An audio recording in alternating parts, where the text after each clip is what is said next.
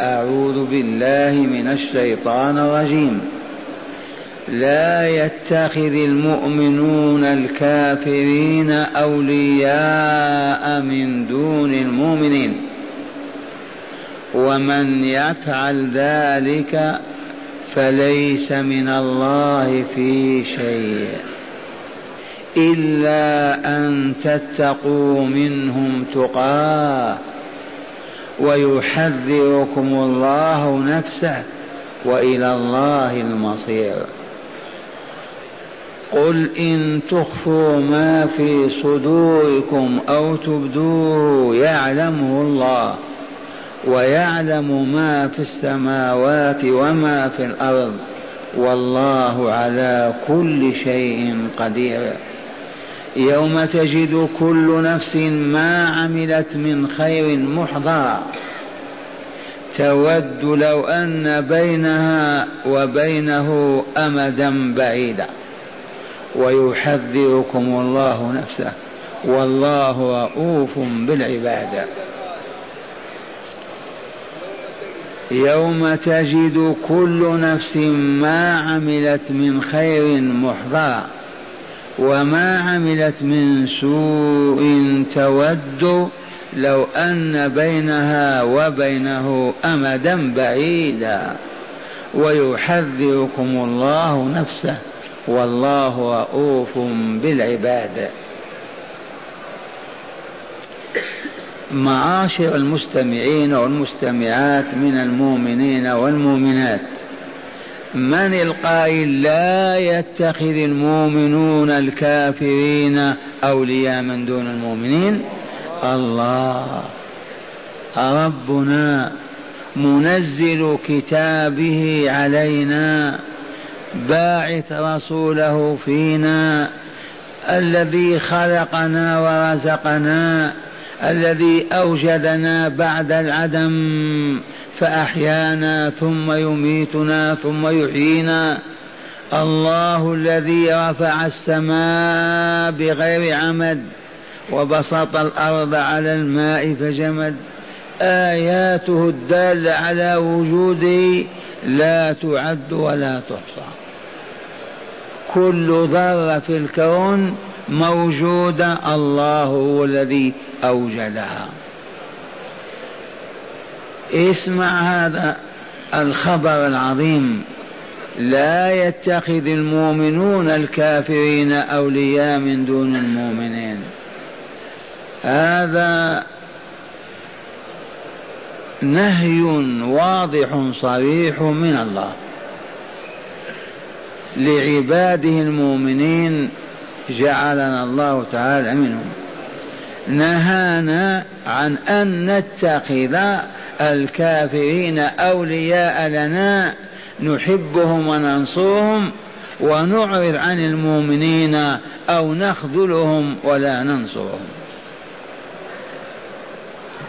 لا ناهيه لا يحل أبدا لمؤمن ولا مؤمنة. أن يتخذ كافرا أو كافرا منافقا أو منافقا يهودية أو نصرانية أن يتخذه وليا له ويترك المؤمنين لا يحبهم ولا ينصرهم. وهذا معقول واضح بين. أيعقل يا عاقلين؟ أن نتخذ الكافرين أولياء نحبهم ونقف إلى جنبهم وننصرهم ونترك المؤمنين لا نحبهم ولا ننصرهم. يعقل هذا؟ كيف هذا ولما كان الضعف البشري متأصلا فالله عز وجل علمنا هذا. انتبهوا. لا يحل لمؤمن ولا مؤمنا أن يتخذ كافرا أو كافرا وليا له أن يحبه بقلبه وينصره. ويترك المؤمنين لا يتخذ منهم وليا ولا نصيرا وتأملوا وكلنا ندرس. لا يتخذ المؤمنون الكافرين أولياء من دون المؤمنين. لا يحل لا يجوز ممنوع حرام. يبقى هل تذكرون أننا فسرنا البراء والولاء؟ فسرنا ذلك بالحب والنصرة. بالحب والحب موطنه القلب ومظاهره الابتسامة واللين والعاطف والرحمة والعون والمودة. إذا والنصرة تكون بالسكين والرمح بالكلمة والمال فلا يحل لمؤمن ولا مؤمنة أن يوالي كافرا أو كافرا حتى ولو كان الكافر هو أبوه. لو كانت الكافرة هي أمه. لو كان الكافر شقيقه أو ابن أبيه أو أمه. لا يحل لك يا عبد الله المؤمن أن تحب بقلبك من كرهه الله وأبغضه الله وسقط عليه. وإلا تناقضت مع سيدك مع مولاك مع ربك وإلهك. هو يكره أبا جهل وأنت تحبه. أليس هذا هو التناقض؟ أعلنت الانفصام عنه وما اعترفت به سيد لك ولا مولى لك. كيف تناقضه؟ الولاء والبراء. يجب أن نوالي المؤمنين وأن نتبرأ من الكافرين. ليس لهذه الآية وحدها لآيات كثيرة متفرقة في هذا الكتاب الإلهي. يا أيها الذين آمنوا لا تتخذوا الكافرين أولياء من دون المؤمنين. يا أيها الذين آمنوا لا تتخذوا اليهود والنصارى أولياء في آيات كثيرة. حتى لا نشق على أنفسنا. نعلم أن حب ما يحب الله واجب وأن كره ما يكره الله واجب. كذا ولا لا؟ فإذا عرفت أن زيدا أو عمرا يبغضه الله ويكرهه لأنه سب الله وكفر به لأنه حارب أولياءه. فيقينا أن الله يكرهه فإياك أن تحب هذا الكافر المبغض لله وإن كان أقرب قريب كالأبوين لا أقرب منهما. وقوله من سورة المجادلة لا تجد قوما يؤمنون بالله واليوم الآخر يوادون من حاد الله ورسوله ولو كانوا آباءهم أو أبناءهم أو إخوانهم أو عشيرتهم. ما ترك بيانا بعد هذا. فهل أنتم مستعدون قولوا نحن عافانا الله ما عندنا يهود ولا نصارى بيننا ولا مجوس ولا صابئة ولا مشركون. ومع هذا احذروا أن تحبوا من يكره الله. اعزم في صدق أنك لا تحب إلا من يحب مولاك وأنك لا تكره إلا من يكره مولاك. على هذا تنتظم حياتك الربانية الصحيحة. لا يتخذ المؤمنون الكافرين أولياء من دون المؤمنين. الحب والنصره أحبوا المؤمنين وانصروهم على أعدائهم الكافرين. واكرهوا الكافرين ولا تنصروهم على على إخوانكم المؤمنين. ثم جاء الاستثناء فقال تعالى إلا أن تتقوا منهم تقاه. لكن قبلها قوله ومن يفعل ذلك منكم أيها المؤمنون فليس من الله في شيء. ولاية قطع صلتها. كان وليا لله بالإيمان به وتقواه. لما والى أعداءه انقطعت ولاية الله عنه. أصبح عدوا لله وليس وليا له. فليس من الله في شيء. ما بقيت له صلة بالله. لماذا؟ لأنه أحب ما يكره الله ونصر من يخذل الله. وقف موقفا مضاد لله ولا لا؟ مضاد له؟ ماذا بقي له مع الله؟ لا شيء. تعلمون أن ولاية الله لنا تتم بشيئين والا لا الإيمان الصحيح والتقوى العامة. فمن والى أعداء الله ضد أولياء الله إذا فقد انقطع صلته من الله ولم يبق له شيء مع الله فليس من الله في شيء.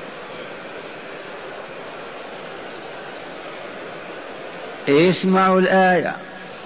يقول تعالى وهو يخاطبنا في صورة الغيبة لأن المؤمن لا يحضرون كلهم في يوم واحد. لا يتخذ المؤمنون الكافرين أولياء من دون المؤمنين. ومن يفعل ذلك أي يواليهم دون المؤمنين فليس من الله في شيء. ما بقيت له صلة بالله. ولايته التي كانت تربط بالله انقطعت أسبابها وأصبح عدو لله. إلا أن تتقوا منهم تقاه. وقوي إلا أن تتقوا منهم تقيا التقى بمعنى التقية بمعنى التقوى. إلا أن تتقوا أذاهم أو شرهم أو بلاهم بصورة من الصور الجائزة المسموح بها. هذه الصور الجائزة ليس معناها أنك تترك الصلاة أو تشرب معهم الحشيش والخمر وتقول أنا اتقيت بلاءهم بهذا وأنت تساكنهم أو تعاشرهم. ما قال بهذا ذو علم أو بصيرة. تتقي منهم بالكلمة اللينة والعطف والعمل المادي. لا بأس أن تقدم إليه ماء أو طعاما. لا بأس أن تساعد على إصلاح دابته أو سيارته حتى ما يحمله بغضك على ضربك أو قتلك أو منعك من فعل خير أو عمل صالح. وهنا واسمحوا لي إذ هذا الكلام ما ما يتأتى حفظه ماذا نصنع؟ تعرفون أن هناك فرقا بين المداهنة والمداراة أو نسيتم. يوجد فرق كبير بين المداهنة والمداراة والعامة تقول دارهم ما دمت في دارهم. فرق بين المداهنة والمداراة المداهنة حرام. والله يقول ودوا لو تدهن فيدهنون. لا مداهنة بينك وبين الظلم والكفرة والفجار والمشركين. أما المدارات تدخل تحت هذه الكلمة إلا أن تتقوا منهم تقاه. هيا نعود بهذه الكلمة الليلة إن شاء الله. وهي أننا عرفنا كيف نداري وكيف لا نداهن. لأن المداهنة موت والمداراة جائزة. دل على هذا قول ربنا إلا أن تتقوا منهم تقاه. نتقي أذاهم شرهم بلاهم بماذا؟ بالمدارات بالمصانعة والمجاملة المعروفة عند الناس. قالت الحكماء المداهنة أن تتنازل عن شيء من دينك. انتبه. تتنازل عن شيء من دينك لتحصل به على شيء من دنياك. تتنازل عن شيء من دينك. يسقط عنك ويخرج منك من أجل أن تحفظ شيئا من دنياك. هذه المدارة هذه المدانة محرمة. وأما المدارات أن تتنازل عن شيء من دنياك لتحفظ شيئا من دينك. مثال جلست مع كافر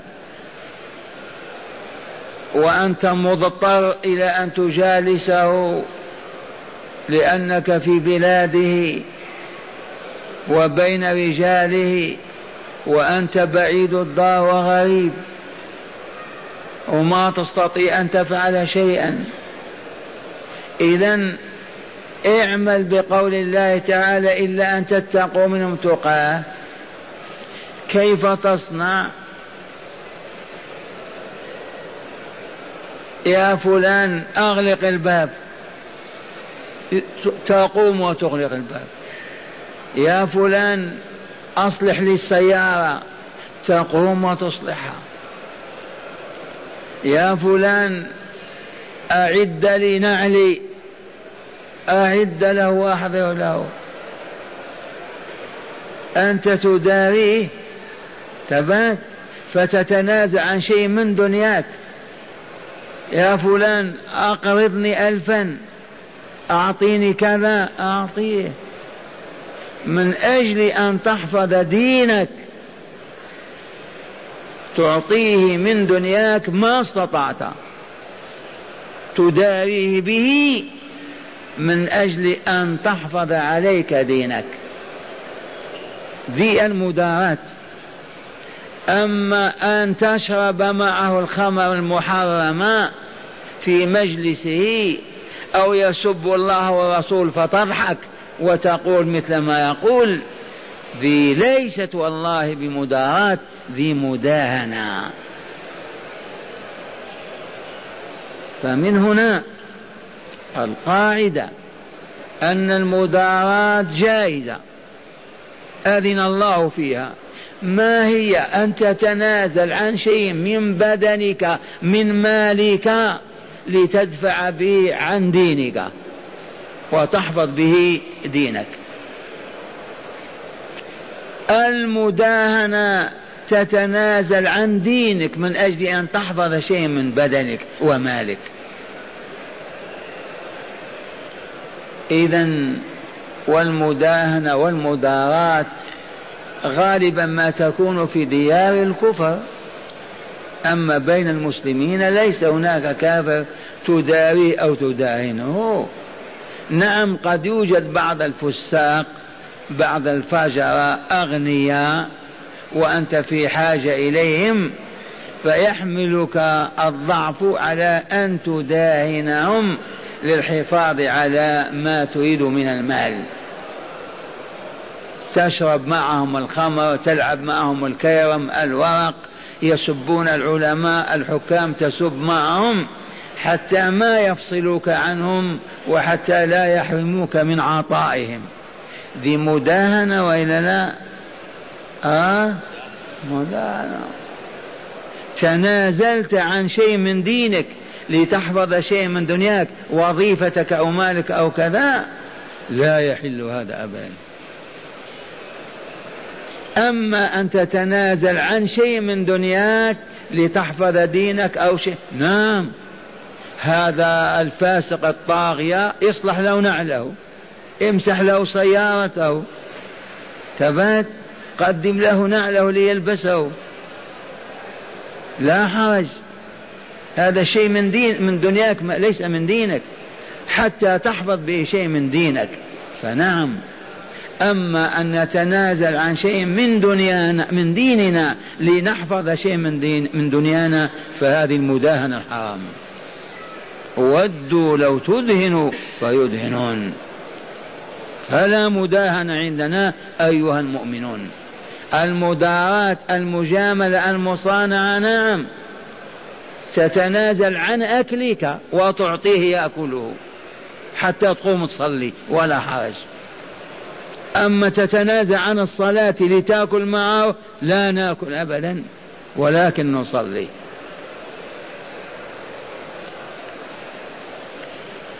ونعود إلى الآية الكريمة نستنير بنورها. لا يتخذ المؤمنون الكافرين أولياء من دون المؤمنين.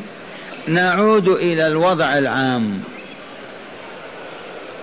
هل يجوز لنا أن نتعامل مع بريطانيا أو فرنسا أو إيطاليا أو مع اليهود أو مع الأمريكان؟ مع الروس؟ لا لا. لما؟ لأن الروس بلا شفا حمر ملاحدة يقولون لا إله. لا خير فيهم البتة والنظر إليهم حرام. بخلاف أهل الكتاب والمشركين المشركون يحلفون بالله ويطوفون ببيته. وهنا أذكر فضيلة للإمام عبد العزيز رحمة الله عليه. بن عبد الرحمن آل سعود. لم يعترف بروسيا ولم يتبادل معها بسفارة في مملكته حتى تمزقت واحترقت. لما ما فعل المسلمون هذا جوال؟ ما عرف لم تعرف روسيا هذا البلد. بسفاراتها وقنصلياتها حتى سقطت الآن واحترقت. أما أهل الكتاب كاليهود والنصارى والمجوس والصابئة نعم لا نتخذهم أولياء نحبهم وننصرهم دون المؤمنين. لن يكون هذا. لكن تبادل المنافع معهم أمر مأذون فيه مسموح به لا جدال فيه ولا خصومه اذا فنتعامل معهم بالتجارة بيع وشراء نتعامل معهم بصناعة كل هذا واسع ليس بمغلق ابدا. مع المحافظة على بغضهم لله وعدم حبهم. ثم عدم نصرتهم على مؤمن أو مؤمنة. عندنا معاهدة بيننا وبين الإيطاليين. نعم نوفي لهم بمعاهدتنا. لكن لو حاربوا مؤمنين ننقض المعاهدة ونقاتل مع المؤمنين. عدوهم الذي بينه وبينهم معاهدة. وانظروا إلى الحبيب صلى الله عليه وسلم. وقد درسنا هذا في السيرة النبوية. كانت بينه وبين اليهود معاهدة جميلة وجليلة وإلا لا قرأنا بنودها في هذه المدينة. بنو النضير بنو قريظة بنو قينقاع. عاهدهم وصالحهم. لكن ما إن نقضت قبيل العهد ضربها الرسول صلى الله عليه وسلم. وأول من نقض بنو قينقاع. معاهدة سلم وعدم حرب. وتعاون بالمال على أداء الديات وما إلى ذلك لا ظلم ولا اعتداء ولا ولا. فلما انتصر النبي صلى الله عليه وسلم في بدر في السنة الثانية طاشت سهامهم امتلأت قلوبهم من الغيظ والحقد وقالوا لا تفهم أننا مثل العرب الجهال تحاربنا وتنتصر علينا. هددوا. سكت. وإذا بمؤمنة جلبت شيئا إلى السوق تبيعه فباعت ومرت بصائغ يهودي تريد أن تشتري مساق ذهب أو فضة. وإذا باليهود يسخرون بها ويأتي من ورائها يهودي فيحمل خمارها حتى بدت عورتها عورتها فصاحت وبكت. يا للمسلمين. فجاء المسلم وكشف اليهود عن عدائهم وعن تمزيق المعاهدة. ما هي إلا ساعات وقد طوقتهم رجال الله واستسلموا ورماهم خارج الجزيرة كلها. نقضوا العهد. لا بقوا على عهدهم إلى اليوم. لا يضرهم شيء. لكن نقضوا بنو النظير بموجب المعاهدة الرسمية خرج صلى الله عليه وسلم يطلب منهم مالا حسب الاتفاقية الديات يشتركون فيها. هم أيضا لو أصيبوا بديات الرسول يساهم فيها. قتل مؤمن جهلا خطأ فطالب أهله بالدية فخرج يطالبهم بشيء منها. أجلسوا في ظل دار من دورهم على البنايات القديمة وأخذوا يتآمرون عليه. كيف يقتلونه ويستريحون منه. وبالفعل جاءوا براحة مطحنة وطلعوا بها إلى السطح وأرادوا أن يلقوها على رأس الرسول صلى الله عليه وسلم وأصحابه. فأعلم من طريق الوحي فأخذ رداءه ومشى هو ورجاله ومن ثم نقضت بنو, بنو النضير عهدتهم ونقضوا عهدهم وأصبحوا حربا. إذا ما كان منه إلا أن طوقهم. وبالتالي أذعنوا للجلاء عن المدينة. وقرأوا سورة الحشر فيها هذا البيان. هو الذي أخرج الذين كفروا من أهل الكتاب من ديارهم لأول الحشر. ما إن خرجت خير الله حتى استسلموا. إذا وخرجوا حملوا أموالهم وأولادهم ونساءهم حتى أخشاب المنزل يأخذون. الأبواب أخذوها. المهم اذهبوا أيها المخذولون. والتحقوا بالشمال من خيبر إلى الشام. بنو قريظة اتفاقيتهم ثابتة. حتى جاءت الأحزاب وفهموا أن الأحزاب سوف ينتصرون على رسول المؤمنين. وجاء من راودهم وطمعهم فما هي إلا ليلتان ثلاثة ونقضوا العهد.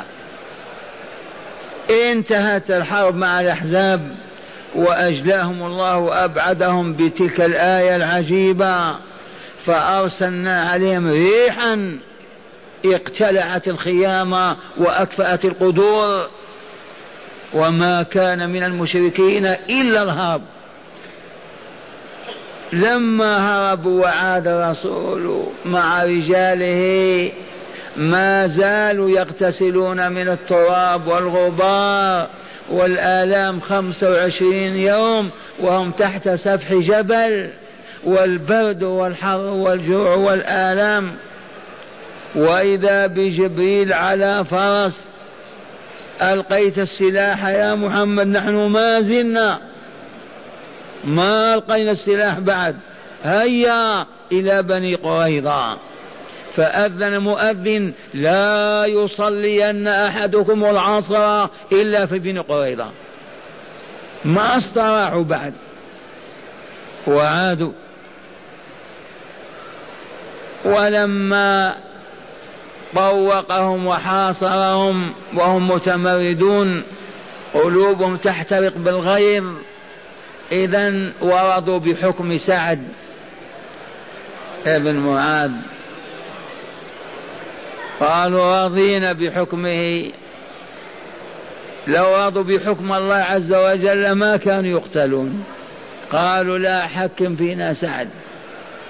للصلة التي كانت بينهم في الجاهلية. فحكم سعد بقتل رجالهم وسبي نسائهم وأطفالهم.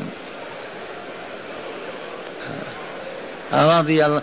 فقال الرسول صلى الله عليه وسلم لقد حكمت فيهم بحكم من في السبع فوق سبع سماوات. هنا أظن في طرف المسجد.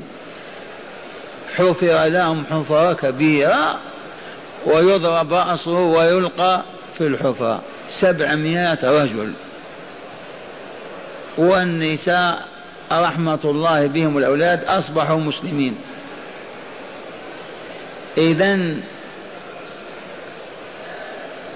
المعاهدة نحن أحق بالوفاء بها من اليهود والنصارى والكافرين والمشركين لأننا أحياء ربانيون وهم أموات شياطين مخذولون. لن نكون مثلهم في الخيانة. أقول المعاهدة إذا احتاج إليها إمام المسلمين بل حتى قائد معركة إذا احتاج إلى مهادنة إلى مصالحة إلى مدة محدودة معاهدة أذن الله تعالى فيها وأذن فيها رسوله. لكن مع ذلكم الصواء الصول العظيم. لا حب ولا نصرة أبدا. لا نحب يهوديا ولا نصرانيا ولا مشركا ولو كان هاشميا قرشيا أبدا لأن قلوبنا لله فيها حب الله. لا يجتمع مع حب الله حب أعدائه كفروا به وتحبهم لا حب. ولا نصر على المؤمنين. بيننا وبين بريطانيا معاهدة سلم وعدم حرب وبيننا تجارات و فلو أعلنت بريطانيا الحرب ضد شعب مسلم تنقطع تلك الصلة ونقاتلها مع إخواننا المؤمنين. وهكذا يا أبناء الإسلام اعلموا أنه لا يحل للمؤمنين أن يحبوا الكافرين وينصرهم هذا هو الحرام. أما أن تتعامل مع يهودي أو نصراني لا شيء أبدا. تذكرون بالأمس الولد اليهودي الذي يخدم نبيكم صلى الله عليه وسلم. فمرض فزاره رسول الله صلى الله عليه وسلم وعرض عليه الإسلام. قل لا إله إلا الله. قل أشهد أن لا إله إلا الله. تنجو من النار. فخاف من والده. فقال له والده أطع أبا القاسم. لو كان حب الكافر يجوز لأحببت أنا هذا اليهودي. لبصيرته أطع أبا القاسم. عرف أنه إذا شهد شهادة الحق دخل الجنة. ومع هذا هو مصر على الكفر. أطع أبا القاسم. فخرج النبي صلى الله عليه وسلم ويقول الحمد لله الذي أخرجه الله من النار بي.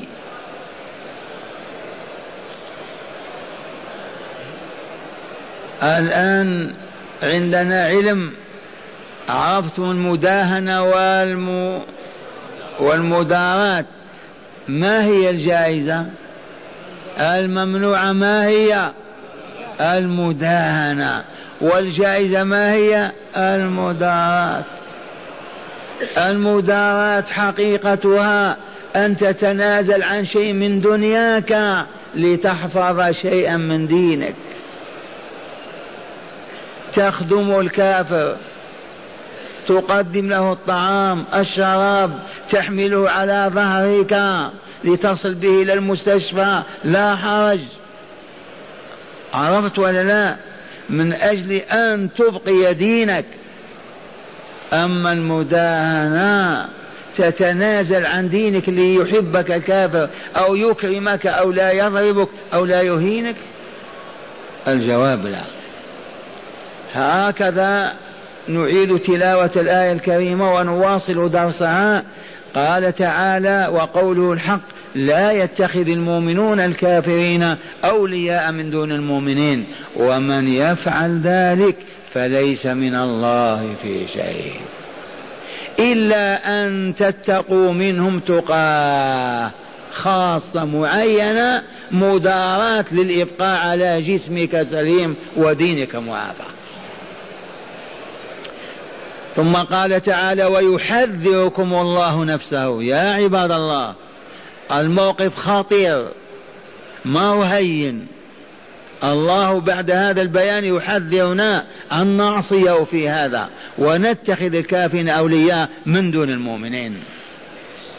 ثانيا والله بصير وإلى الله المصير. إن سلمتم اليوم من بلاء أو شقاء فمرجعكم إلى الله وينزل بكم العذاب. لا تعتزوا اليوم بقوتكم أو كذا وتقول ماذا نفعل؟ فإلى الله لا إلى غيره مصيركم ومرجعكم. الأمر عظيم. يحذركم الله نفسه أن تعصوه وتخرجوا عن طاعته وتوالوا الكافرين وتتركوا المؤمنين. موالاتنا لمن؟ للمؤمنين. أولياء الله. نحبهم ونقاتل معهم وننصرهم. لا أن نحب الكافرين ونقاتل معهم ضد المؤمنين والمسلمين. ملحوظة. لو كان بيننا وبين دولة اتفاق وأننا أن نقاتل من يقاتلها وتقاتل من يقاتلنا. وأعلنت الحرب بينها وبين دولة أخرى. ننظر إذا كانت الدولة مؤمنة انتهت العقدة. وانحل الرباط. ولا نقاتل معها إخواننا بل نقاتل معهم إياها. لكن لو قاتلت دولة كافية اعتدت عليها. بلجيكا اعتدت على هولندا. ونحن بين وبين بلجيكا عهد. لا مانع أن ننفذ الاتفاقية ونعاونهم على عدوهم. لأنه كافر ليس بمسلم. لأن الله قال من دون المؤمنين.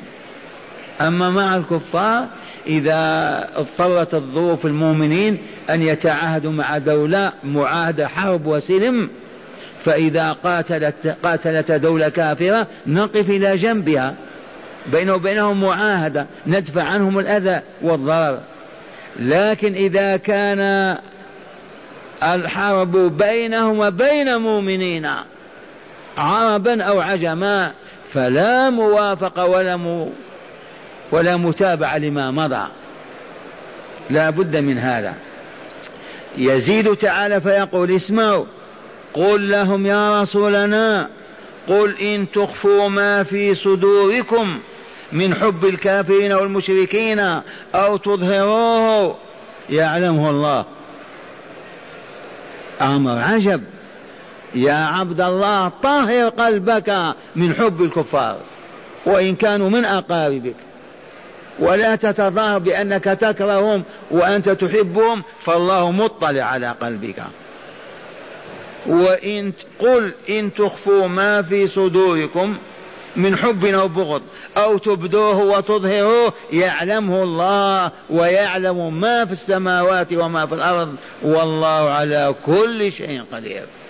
لا يعجز الله شيء. ما رأينا ممنوع تتابعت الآيات فيك هذا. لأن حبك للكافر والله لا يحملك على أن تكفر. أقسم بالله. إذا أحببتهم وداهنتهم ولا بد أن تصبح مثلهم يقينا. فلهذا الحد الفاصل هو ألا حب ولا ولا أبدا. ويقول يوم تجد كل نفس ما عملت من خير محضرا. وما عملت من سوء تود لو أن بينها وبينه امدا بعيدا. انتقلوا عن هذه الدار الضيقة إلى الدار الواسعة. لا تفهموا أنكم مضطرون وأنكم وأنكم فتداهنون الكفار وتنسون لقاء الله عز وجل.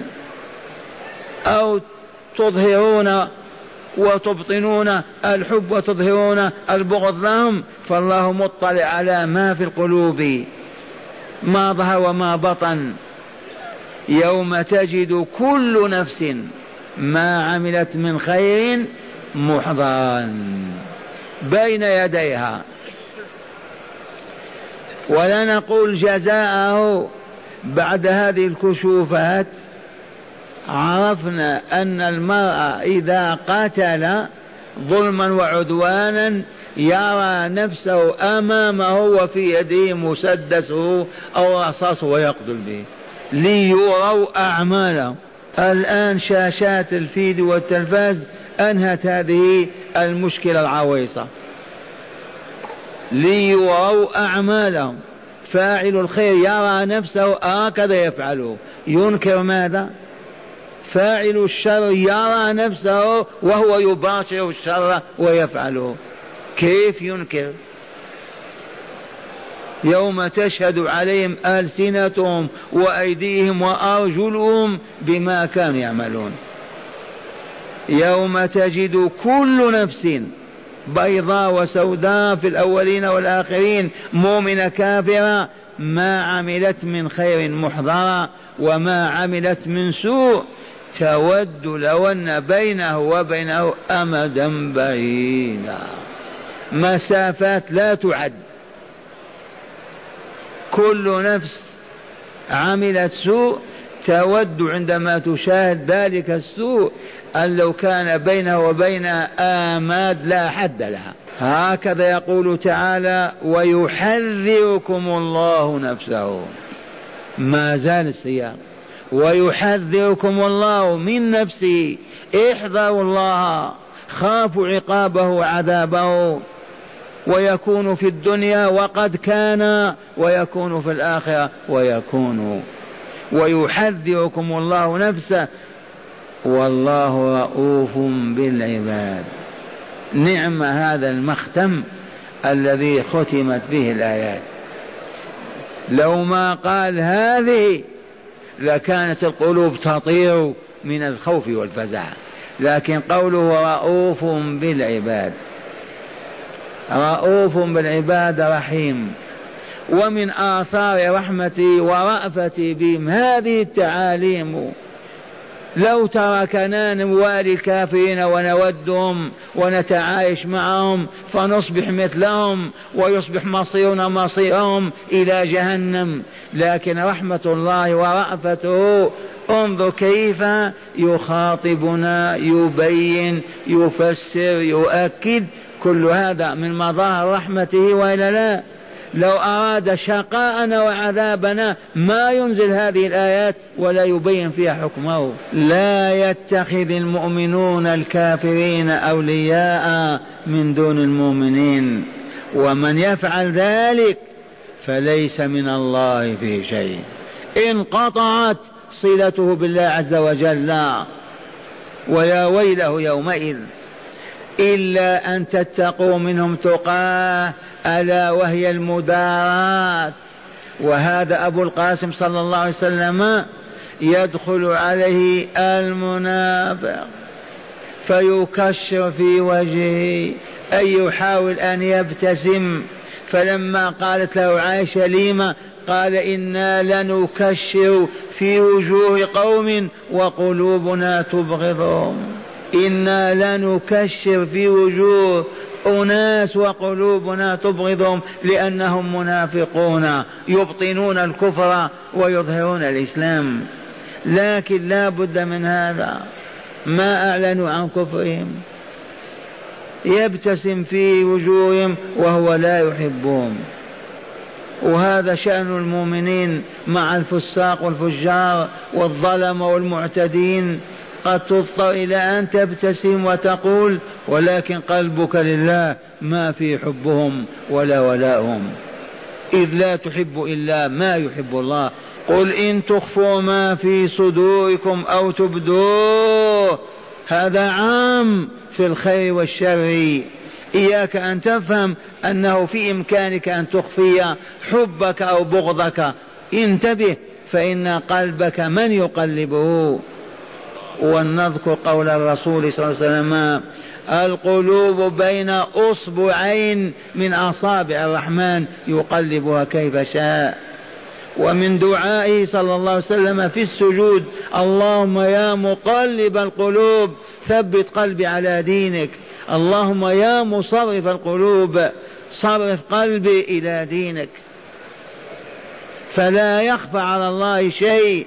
تستطيع أن تخفي عن الناس ما تخفيه لكن بالنسبة إلى الله من المستحيل هذا. هو خالق قلبك. بل عرفك قبل أن يوجدك. قل إن تخفوا ما في صدوركم أو تبدوه يعلمه الله. وإذا علمه يجازي به وإلا لا. ويعلم ما في السماوات وما في الأرض والله على كل شيء قدير.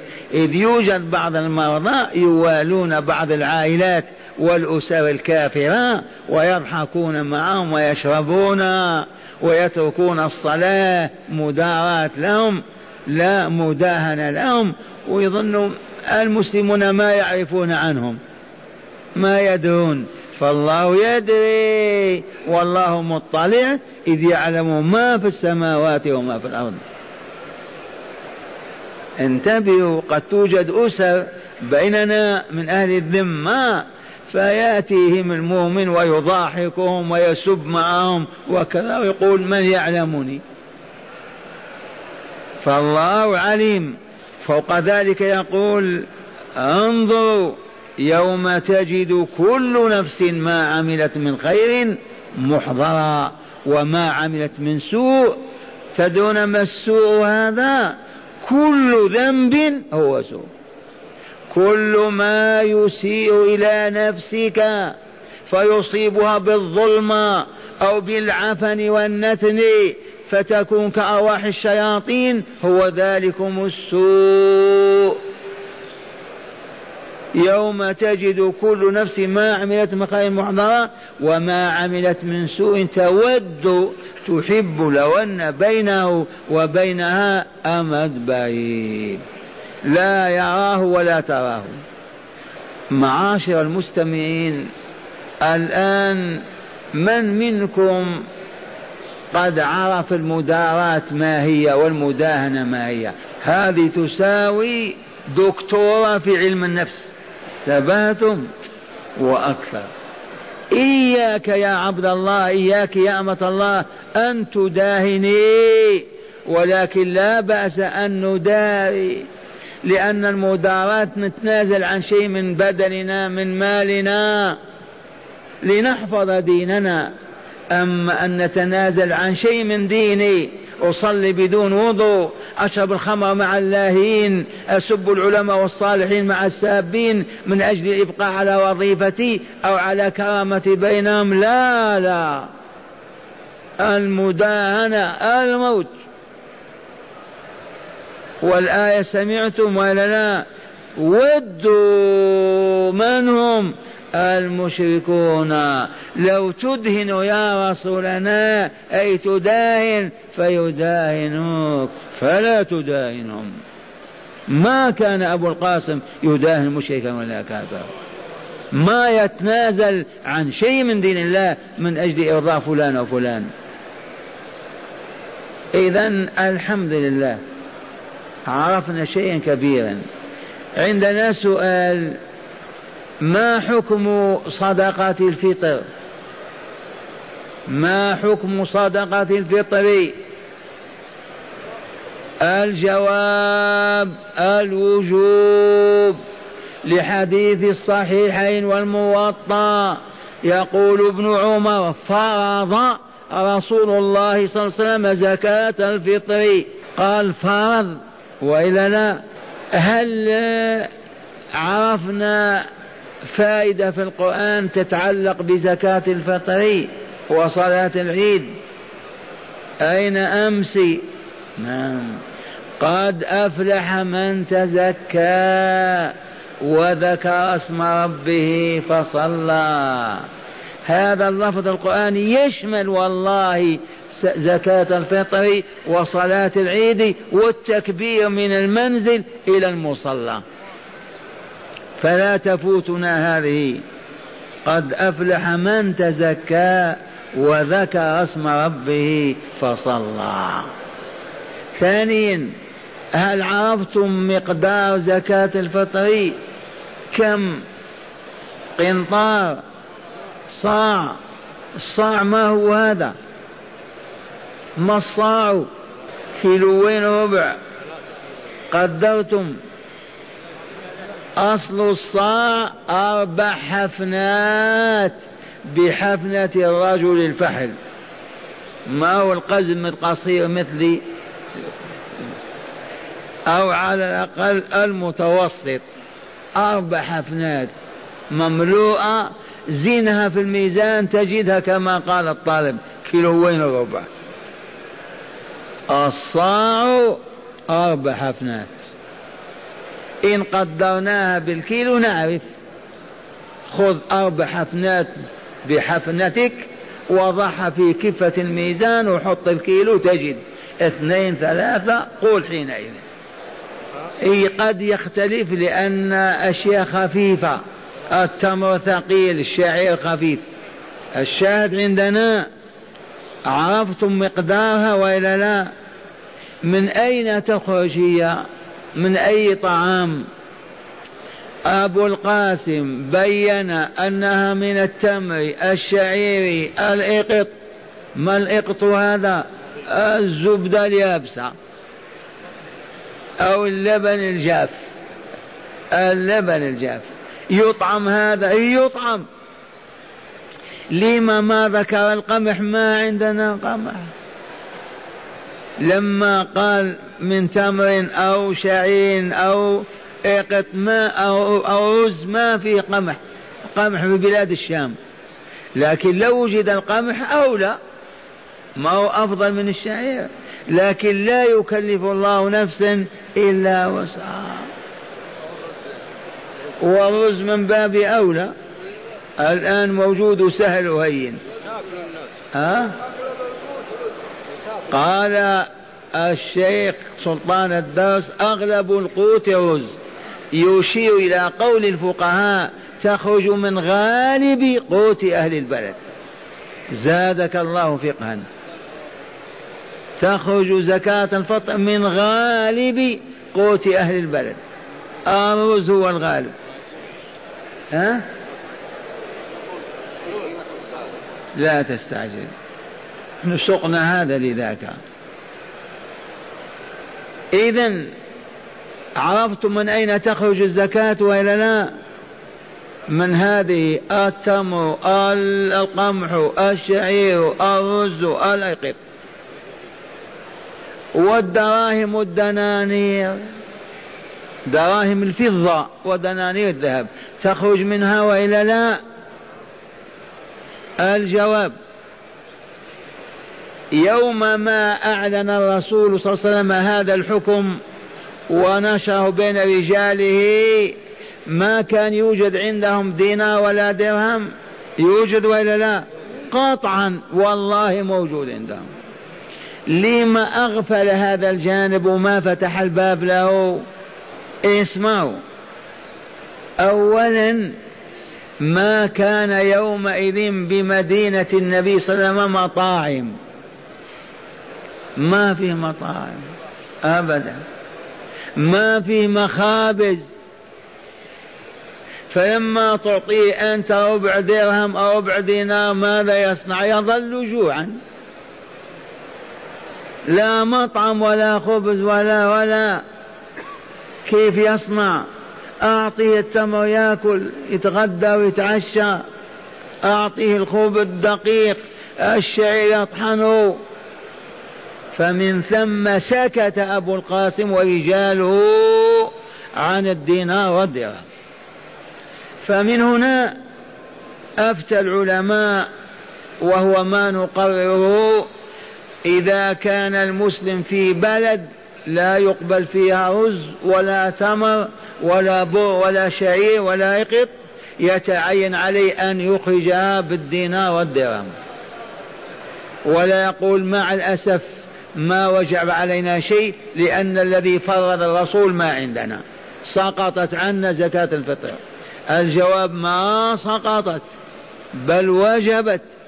أخرج قيمتها دينارا أو درهمين. أما في البلد التي يوجد فيها الطعام لا نستبدل بها الدينار والدرهم عملا بتوجيه رسول الله وهدايته ومن جهة أخرى زكاة الفطر مطهرة للنفس. وورد أن الصيام معلق قبوله بها. فمن هناك العبادة لا تزكي النفس إلا إذا كانت كما بينها الشارع ووضعها. فهذا هو الذي ينبغي أن نقوله ونعمل به. هل فهمتم هذا؟